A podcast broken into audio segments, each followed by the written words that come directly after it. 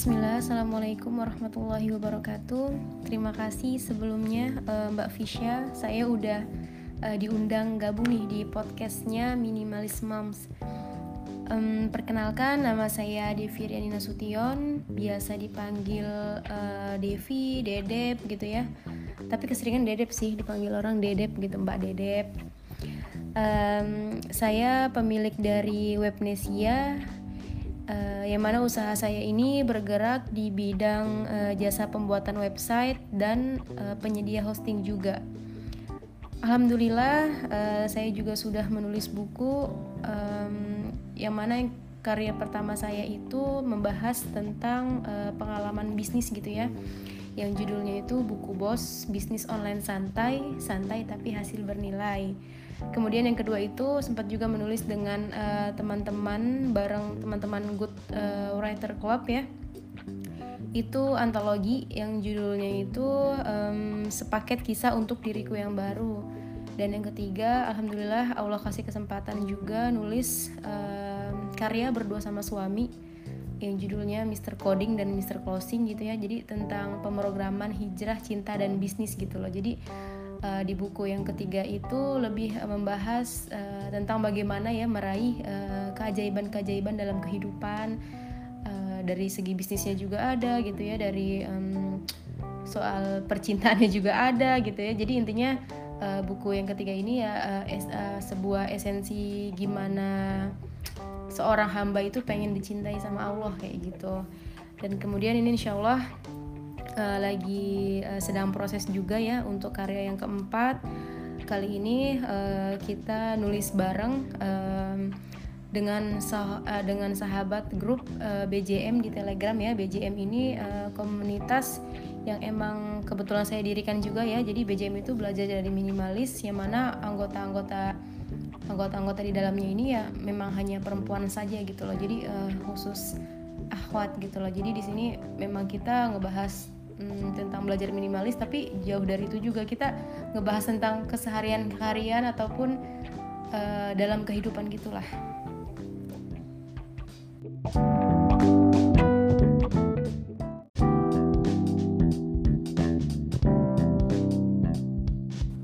Makna rumah um, rumah itu tempat tinggal ya tempat tinggal yang mana uh, bisa melindungi kita daripada panas dan hujan ya. Ya intinya um, rumah juga tempat uh, kita untuk ibadah gitu ya. Ya jadi secara secara umumnya ya rumah uh, tempat tinggal gitu tempat kembali yang mana uh, tempat sementara di dunia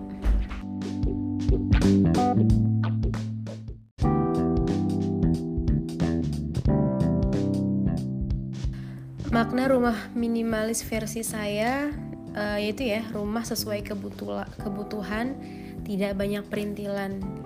Jadi lagi-lagi fokusnya itu ke kebutuhan gitu. Masalah bentuk dan luasnya itu ya nggak terlalu besar ataupun terlalu kecil gitu ya. Karena e, besar dan kecil ini kan relatif ya bisa saja uh, rumah ukuran uh, eh, 100 meter gitu ya akan terlihat kecil jika rumahnya 2 hektar gitu ya. Dan sebaliknya ya uh, apa namanya uh, rumah yang uh, 100 meter ini bisa dibilang uh, besar ya. Karena uh, yang melihat ini ya rumahnya uh, misal uh, 30 apa namanya 3 meter kali 5 gitu ya jadi intinya uh, kembali lagi uh, tidak dilihat dari bentuk ataupun luasnya gitu ya karena itu sangat relatif. Jadi fokusnya di sini adalah um, rumah minimalis itu adalah rumah yang uh, sesuai kebutuhan ya sederhana terang dan plong kalau menurut saya tuh. Jadi uh, kenapa kita uh, rumah minimalis itu juga harus memikirkan uh, soal uh, penerangan gitu ya um, kalau mau siang misalnya nih dengan kita adanya jendela-jendela gitu nah itu kan terang. Nah jadi kan kita nggak mesti nyalahin uh, listrik pada siang hari gitu ya. Jadi nyalahin listriknya itu uh, sore gitu ya menjelang maghrib nah itu baru nyalahin listrik gitu ya.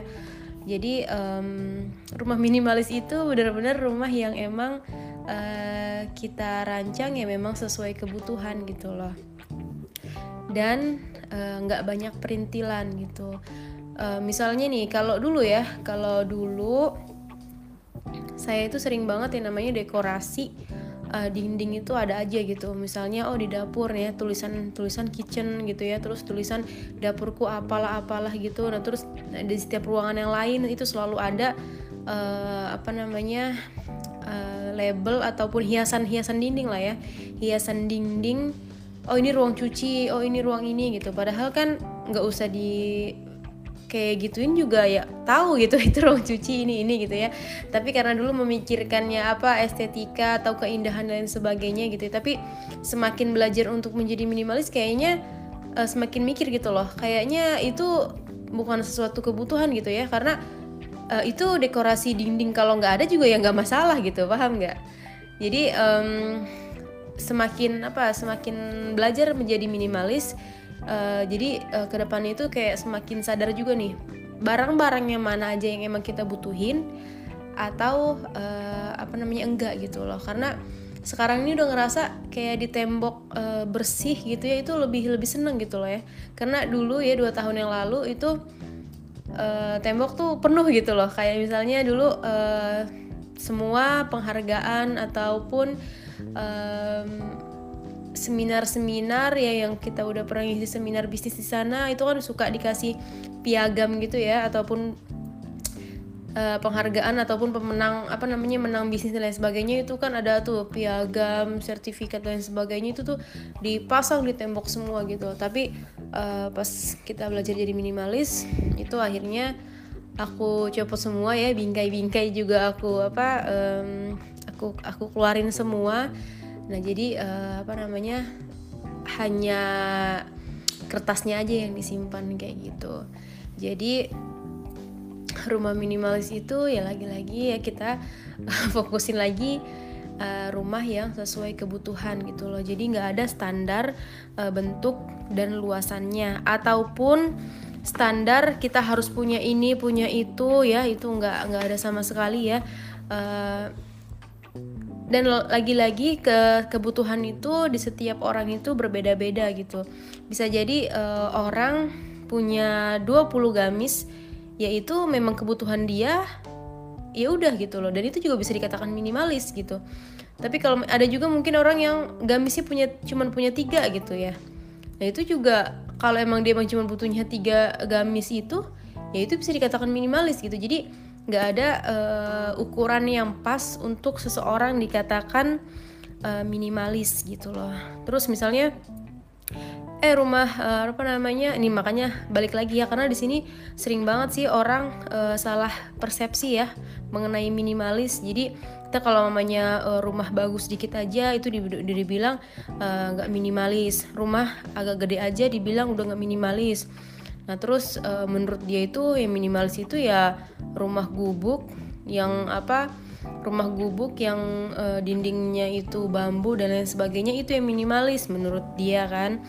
Banyak nih yang menyalahkan menyalahartikan uh, tentang minimalis ini gitu. Ataupun ada juga orang yang bilang minimalis ini adalah rumah-rumah minimalis modern yang kita tahu gitu ya. Walaupun ornamen-ornamennya itu heboh warnanya heboh barangnya full ada juga yang ngata yang bilang itu uh, adalah minimalis gitu.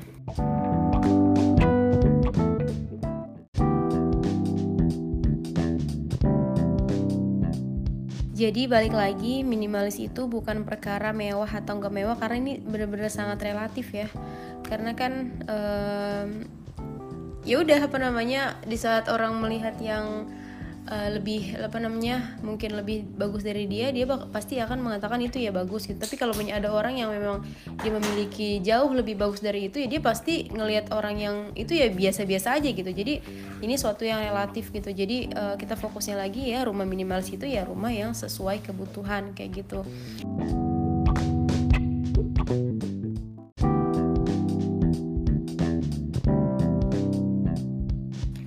dan membeli uh, karena butuh ya bukan karena flash sale uh, tanggal bulan sama gitu ya uh, dan ada sesuatu yang beli dua gratis satu padahal kita nggak butuh tapi karena diskon kita beli nah itu jangan gitu. Udah gitu sih ya sedikit apa namanya tips dan trik uh, minimalis dalam rumah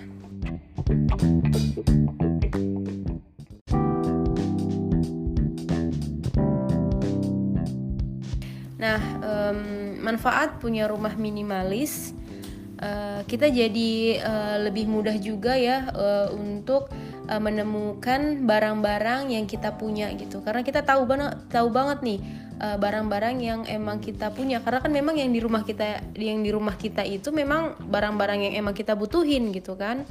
Terus uh, kita juga jadi lebih uh, mudah untuk uh, membersihkan gitu ya nyapu ngepel gitu ya. Nah uh, dulu sempat uh, aku punya rak-rak yang kayak ditaruh di bawah gitu. Uh, misalnya apa namanya uh, buat di musola itu uh, ada rak tangga gitu ya rak tangga yang buat apa hanger hanger tangga gitu hanger tangga yang buat naro sajadah ataupun mukena gitu ya.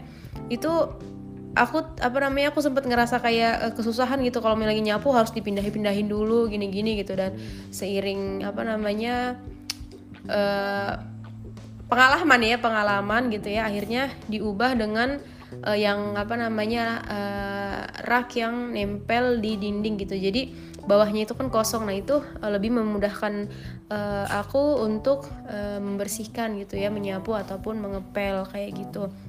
Terus uh, manfaatnya juga lagi kalau kita menjadi seorang minimalis gitu ya. Uh, kita juga bisa uh, menjadi konaah gitu ya. Merasa cukup ya uh, dan uh, di sini juga kita belajar yang namanya nggak cinta dunia gitu. Jadi kita bisa uh, ngerem uh, tahan hawa nafsu gitu ya. Jadi kalau mau beli sesuatu apa pun itu tuh apa namanya dipikirnya tuh uh, berulang-ulang gitu ya bahkan berbulan-bulan ya. Jadi bener-bener uh, lebih apa lebih dipikirkan lagi sebelum uh, melakukan sesuatu kayak gitu. Jadi banyak apa namanya uh, manfaat yang kita um, dapatkan ya dalam uh, belajar uh, jadi minimalis ini gitu loh. Jadi memang pada dasarnya memang sifat manusia ini kan memang nggak uh, ada merasa puas ya dan susah bersyukur gitu ya itu yang dijelaskan di Al-Qur'an ya. Tapi di sini uh, apa namanya positifnya gitu kita pas belajar minimalis ini uh, kita uh, apa namanya bisa belajar lebih gimana caranya merasa cukup gitu ya karena ya itu tadi konaah is minimalis.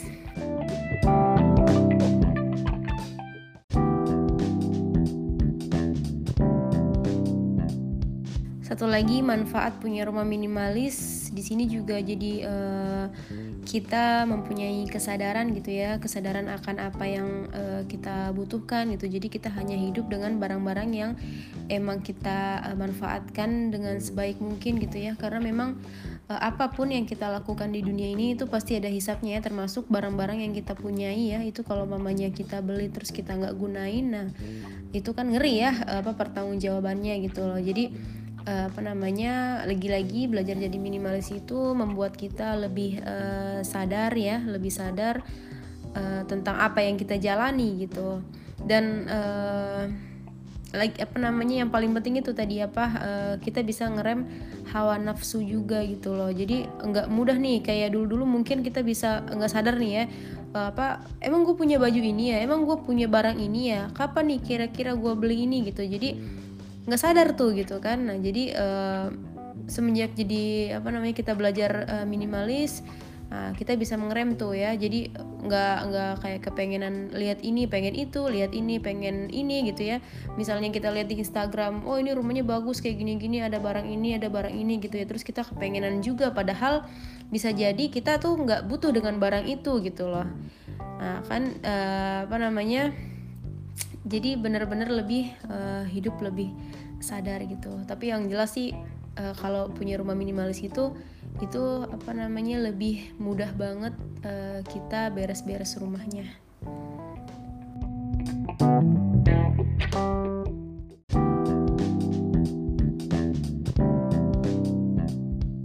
Tips dan trik menerapkan uh, minimalis dalam rumah uh, sobat bisa pertama-tama itu cek satu ruangan terlebih dahulu ya. Uh, misal dimulai dari kamar gitu ya. Di, di kamar kan ada lemari ya. Nah teman-teman bisa cek tuh uh, apa namanya dan mulai sortir baju baju-baju mana yang emang teman teman-teman butuhkan gitu ya. Dan uh, yang nggak dibutuhin gitu ya. Biasanya nih kalau mamanya udah ngomongin masalah lemari biasanya suka uh, suka nih nemu-nemu barang-barang yang apa namanya kadang-kadang amnesia gitu ya eh kapan nih beli ini gitu Nah itu kan berarti kan sudah terlalu banyak ya uh, apa namanya barang-barang di lemari kita gitu. Nah teman-teman di sini uh, bisa mulai uh, langsung sortir ya. Jadi dipisahin tuh mana yang emang tidak bisa dipakai lagi ya, artinya dibuang gitu ya. Atau yang emang masih tetap stay di lemari gitu ya. Nah, ataupun dikeluarkan. Nah, gitu. Di sini pilihan dikeluarkan juga teman-teman uh, bisa uh, sedekahkan ya atau mencoba menjual pre-love gitu ya.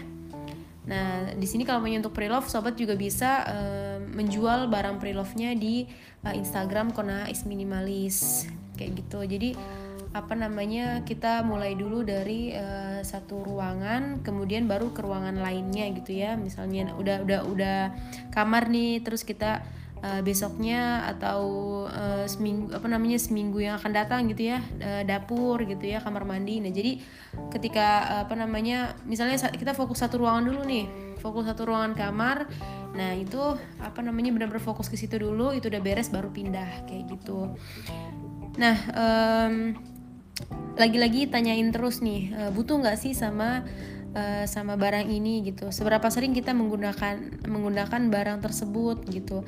Uh, kalau mamanya itu barang sudah lama nggak tersentuh dan memang memang bahkan dari beli nggak pernah disentuh gitu ya bertahun-tahun nggak pernah disentuh nah itu wajib banget sih emang kayaknya dikeluarin gitu ya daripada ngejogrok aja di lemari gitu ya. Lebih baik kita keluarkan uh, atau uh, atau kita bantu uh, untuk menemukan uh, barang apa namanya ke orang yang emang membutuhkan barang tersebut kayak gitu Kemudian eh, batasi tempat penyimpanan. Karena teman-teman ya, semakin banyak tempat penyimpanan yang kita punya, itu peluang untuk menyimpan lebih banyak barang itu uh, lebih besar gitu. Jadi apa namanya meski itu kosong gitu ya itu kalau mamanya uh, kita banyak penyimpanan itu itu pasti kayak menarik barang-barang yang lain buat uh, mengisi yang kosong itu gitu. Nah, saya di sini udah apa namanya sudah menerapkan ya di apa namanya di bagian rumah saya gitu ya kayak misalnya di atas meja nih. Di atas meja itu uh, apa namanya kalau sebelum sebelum masak gitu ya. Nah, itu pokoknya meja itu dalam selalu dalam keadaan kosong gitu. Karena kalau mamanya kita taruh barang apa pun itu di meja ya, misalnya kayak naro apa namanya naro um, handuk ataupun naro apa ini itu tuh bakalan menarik barang-barang yang lain itu bakalan numpuk di situ gitu jadi apa sih namanya e, coba biasain e, meja meja makan itu kosong ya kalau mamanya lain lain ngomongin kalau misalnya sudah tersedia makanan dan lain sebagainya itu kan memang memang ya wajib ada makanan di atas meja gitu ya. Maksudnya ketika apa namanya misalnya kalau sudah makan misalnya malam nah itu kan uh, apa namanya dibersihin tuh meja kosong ya kan. Nah terus cu apa uh, piring dicuci kayak gitu. Nah terus apa namanya kayak uh, di atas kulkas nah itu apa namanya biasain kosong aja gitu jangan naruh barang apa apa di atas gitu di atas kulkas misalnya kita mau naruh pot bunga lah atau perintilan perintilan yang lain lah atau atau nggak sengaja naruh gunting di situ lah. Nah, itu bakalan nanti akan sama akan menarik barang-barang yang lainnya untuk di atas kulkas itu gitu. Jadi memang pentingnya di sini kita uh, mempunyai uh, tempat tinggal di setiap barang-barang ya gitu. Nah, setelahnya itu baru apa namanya ketika kita sudah uh, memberi tempat kepada setiap barang, kita uh, kemudian baru membiasakan ya untuk mengembalikan uh, barang tersebut uh, ke tempatnya gitu. Ketika kita udah pakai gitu ya. Nah, ini kita balikin ke tempatnya. Oh, tempat gunting di sini kita balikin, tempat pisau di sini kita tempat kita balikin. Intinya uh, kembalikan barang-barang yang emang kita udah uh, gunain kayak gitu. Terus kemudian uh, kita uh, harus tahan nafsu ya, tahan nafsu untuk beli barang-barang yang sebenarnya nggak kita butuhin gitu loh kayak misalnya perintil-perintilan apalah perintilan ayunan perintilan mobil-mobilan atau apa gitu ya kita pengen susun di depan rak TV gitu ya nah itu kan apa ya itu menurut saya perintilan yang apa namanya yang emang kita nggak butuhin ya. Justru malah um, memperlambat kita untuk membersihkan ya nggak sih? Jadi kita apa yang tadinya kita cuman bisa ses apa namanya sesret doang ngelapnya nah ini kita kalau maunya banyak dekorasi atau perintilan kayak gitu jadi banyak juga yang dilap-lap gitu ya kan. Terus kalau mamanya banyak barang-barang di atas lantai juga kan kita setiap mau nyapu ataupun ngepel kita harus pindahin. Nah itu menurut saya apa namanya ribet ya ribet gitu ya. Karena uh, apa namanya yang simple ini kan enak ya. Jadi uh, membuat durasi pengerjaan membereskan rumah juga lebih cepat kayak gitu Nah jadi uh, lagi-lagi ya biasa biasa menaruh uh, barang ke tempatnya gitu. Misalnya kalau habis makan, nah piring-piringnya itu langsung taruh di uh, tempat cucian piring gitu ya. Udah selesai semuanya. Nah terus piringnya dicuci. Nah udah gitu cuci apa namanya cucinya apa piringnya udah dicuci terus dikeringin. Nah udah kering baru langsung ditaruh di tempat piring yang uh, apa namanya sebagaimana mestinya gitu loh. Jadi emang emang apa namanya perlu kita uh, menempatkan barang-barang uh, ke tempat tinggalnya itu bahasa saya sih. Jadi barang-barang itu wajib punya tempat tinggal. Jadi kita tahu uh, ke mana barang-barang itu akan kita kembalikan gitu setelah digunain gitu loh.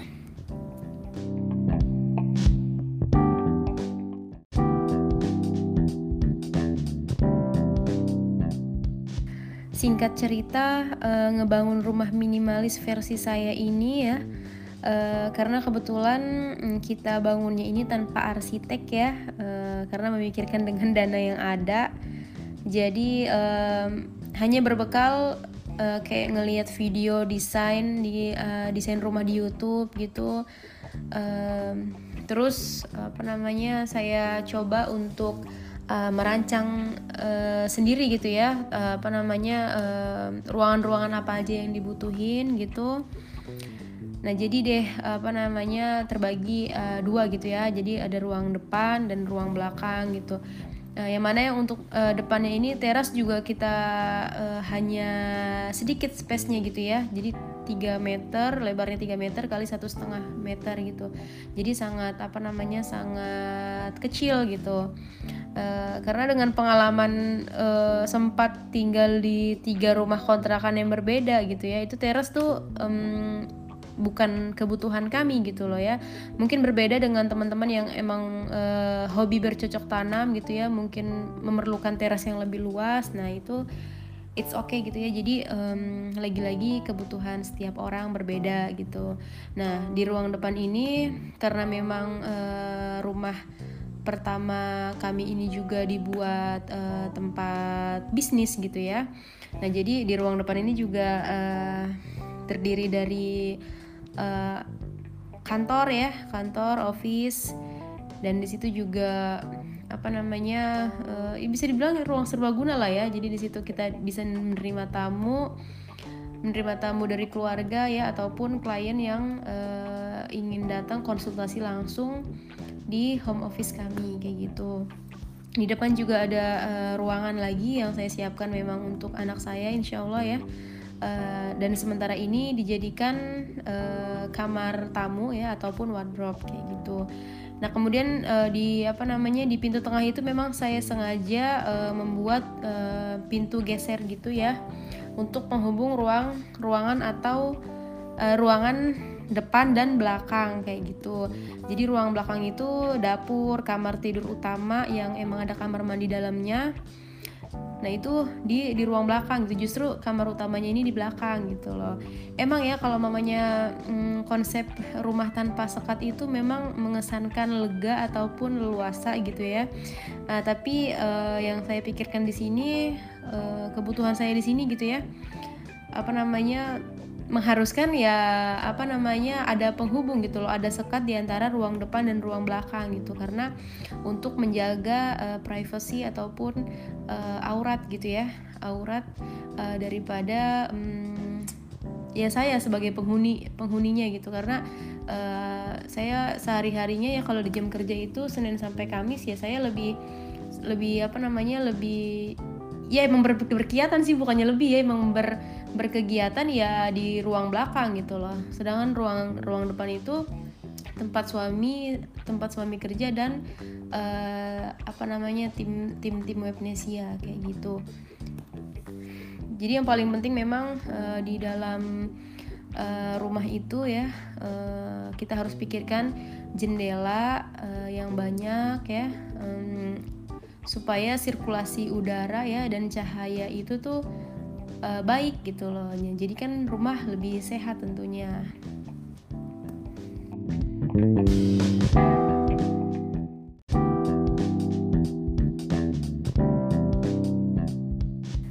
Rumah sesuai kebutuhan tanpa banyak perintilan. Dengan belajar jadi minimalis, kita uh, akan tahu apa saja yang penting bagi diri kita. Menjadi minimalis eh, nggak uh, harus punya rumah sendiri dulu gitu loh di di rumah kontrakan kita pun bisa uh, mencoba hidup uh, minimalis gitu jadi uh, suatu yang mungkin ya menerapkan uh, minimalis di setiap keadaan gitu ya maupun di rumah sendiri ataupun di rumah kontrakan kayak gitu Nah, uh, ingat lagi nih yang sering saya sampaikan kalau pamannya nulis di story gitu ya, uh, ngontrak itu nggak dosa gitu. Tapi kita akan berdosa jika kita memiliki rumah dengan cara hutang bank riba. Minimalis ini bukan uh, hidup serba kekurangan.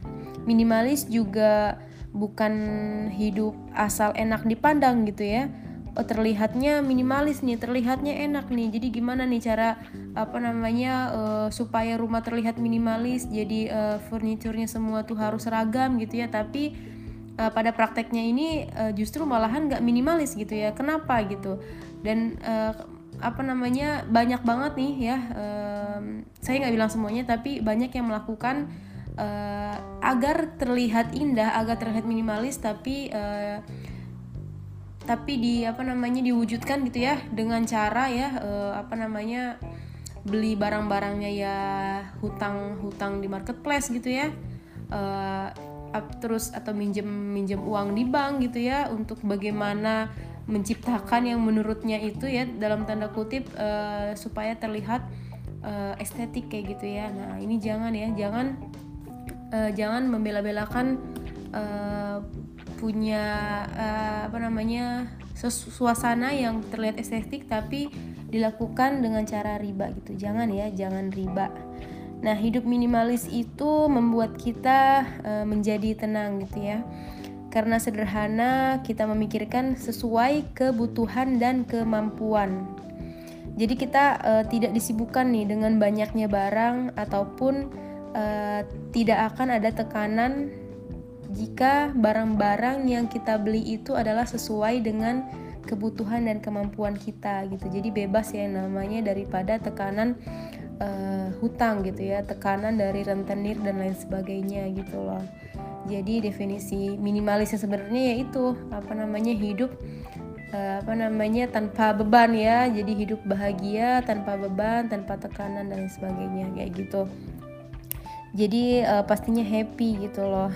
Karena jadi uh, belajar jadi minimalis itu uh, jadi banyak-banyak bersyukur. Jadi kita lebih difokuskan dengan apa-apa yang kita punya. Nah makanya kan kita di situ bersyukur gitu dan bagaimana kita cara memanfaatkan uh, apa yang kita punya dengan sebaik-baiknya gitu uh, dan apa namanya uh, potensi untuk sengsara ataupun galau itu juga akan uh, hilang gitu ya. Nah, karena kan yang bikin galau luar biasa dan sengsara itu kan karena kita sibuk meratapi apa-apa yang kita nggak punya gitu kan. Jadi um, apa namanya kita harus fokuskan apa-apa yang kita punya gitu. Kalau mamanya kita ngelihat apa-apa yang nggak kita punya, misalnya kita kita ngeliat oh rumah itu bagus nih uh, apa namanya luas banget ya sedangkan gue cuma sa cuman ini gitu itu rumah orang itu barang-barangnya bagus-bagus ya mewah-mewah ya sedangkan gue cuman ini nah itu kan apa namanya uh, gimana bahagianya gitu ya. Itu jadi kalau namanya kita selalu melihat melihat atau meratapi apa apa yang kita punya itu bakalan sengsara terus kayak gitu. Uh, jadi uh, untuk memperdalam lagi rasa syukur gitu memang uh, baiknya kita melihat uh, dalam perkara dunia ya. Uh, agar agar selalu bersyukur kita lihat apa-apa yang di bawah kita gitu loh kalau mainnya untuk perkara akhirat baru kita deh ngelihat yang di atas kita gitu. Misalnya orang itu teh rajin uh, apa namanya puasa Daud gitu ya. Sedangkan kita cuman puasa Senin Kamis. Nah jadi kita apa namanya nggak masalah tuh kita lihat uh, apa namanya yang tinggi tinggi uh, kalau soal perkara akhirat gimana caranya kita bisa juga jadi kayak orang itu gitu. Oke okay, uh, sekian dari um, sharing santai di Minimalis Moms ini ya Mbak Fisya dan teman-teman semuanya. Semoga Allah izinkan uh, kita menjadi uh, hamba-hamba yang selalu bersyukur gitu ya. Oke, akhir kata kita baca doa kafaratul majelis ya. Subhanakallahumma wa bihamdika asyhadu an la ilaha illa ant astaghfiruka wa atubu ilaik. Wassalamualaikum warahmatullahi wabarakatuh. うん